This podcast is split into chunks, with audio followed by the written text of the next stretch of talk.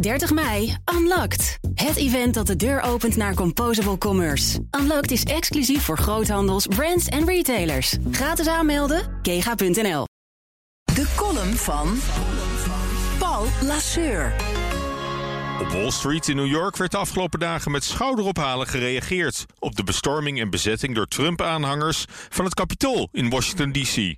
Het historische spektakel, deze ongekende crisis in het hart van de belangrijkste democratie ter wereld, ging volledig aan de financiële markten voorbij. Een uitbarsting van geweld waarbij vijf doden vielen. Het bizarre slotakkoord van vier jaar presidentschap van Donald Trump en van de krankzinnige verkiezingsstrijd die erop volgde. Het liet de beurzen volkomen koud. De Dow Jones-index eindigde woensdag doodleuk 1,5 procent hoger. De S&P 500 sloot zelfs op een all-time high.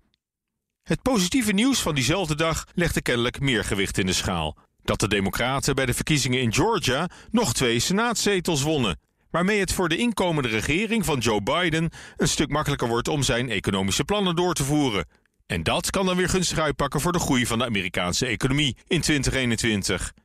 Wie zal het zeggen? Maar het blijft gek, dat ongebreidelde optimisme op de financiële markten. In een land dat maatschappelijk en politiek zo diep verdeeld is dat daarnaast worstelt met een explosieve uitbraak van het coronavirus, waarvan de economische ravage nog niet eens te voorspellen valt.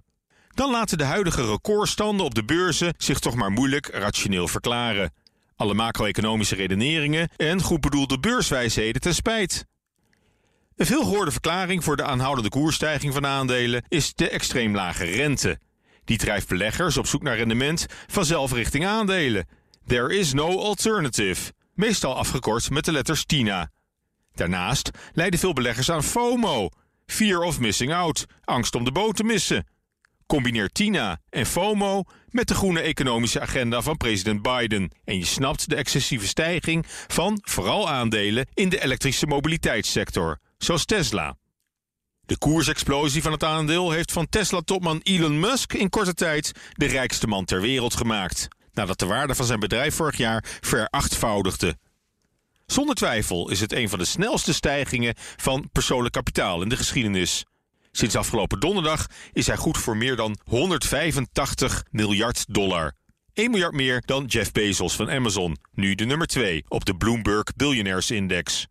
En dat allemaal in dezelfde week dat de politieke crisis in de Verenigde Staten een hoogtepunt bereikt. En Joe Sixpack zucht onder de gevolgen van de COVID-19-pandemie. Net als tijdens de internethype van rond de eeuwwisseling is de relatie tussen de extreme beurswaarde van bedrijven en de reële financiële prestaties ervan volledig zoek. Ook dit keer is het wachten tot de zeebel uit elkaar spat. Prettige maandag! 30 mei, Unlocked. Het event dat de deur opent naar Composable Commerce. Unlocked is exclusief voor groothandels, brands en retailers. Gratis aanmelden, kega.nl.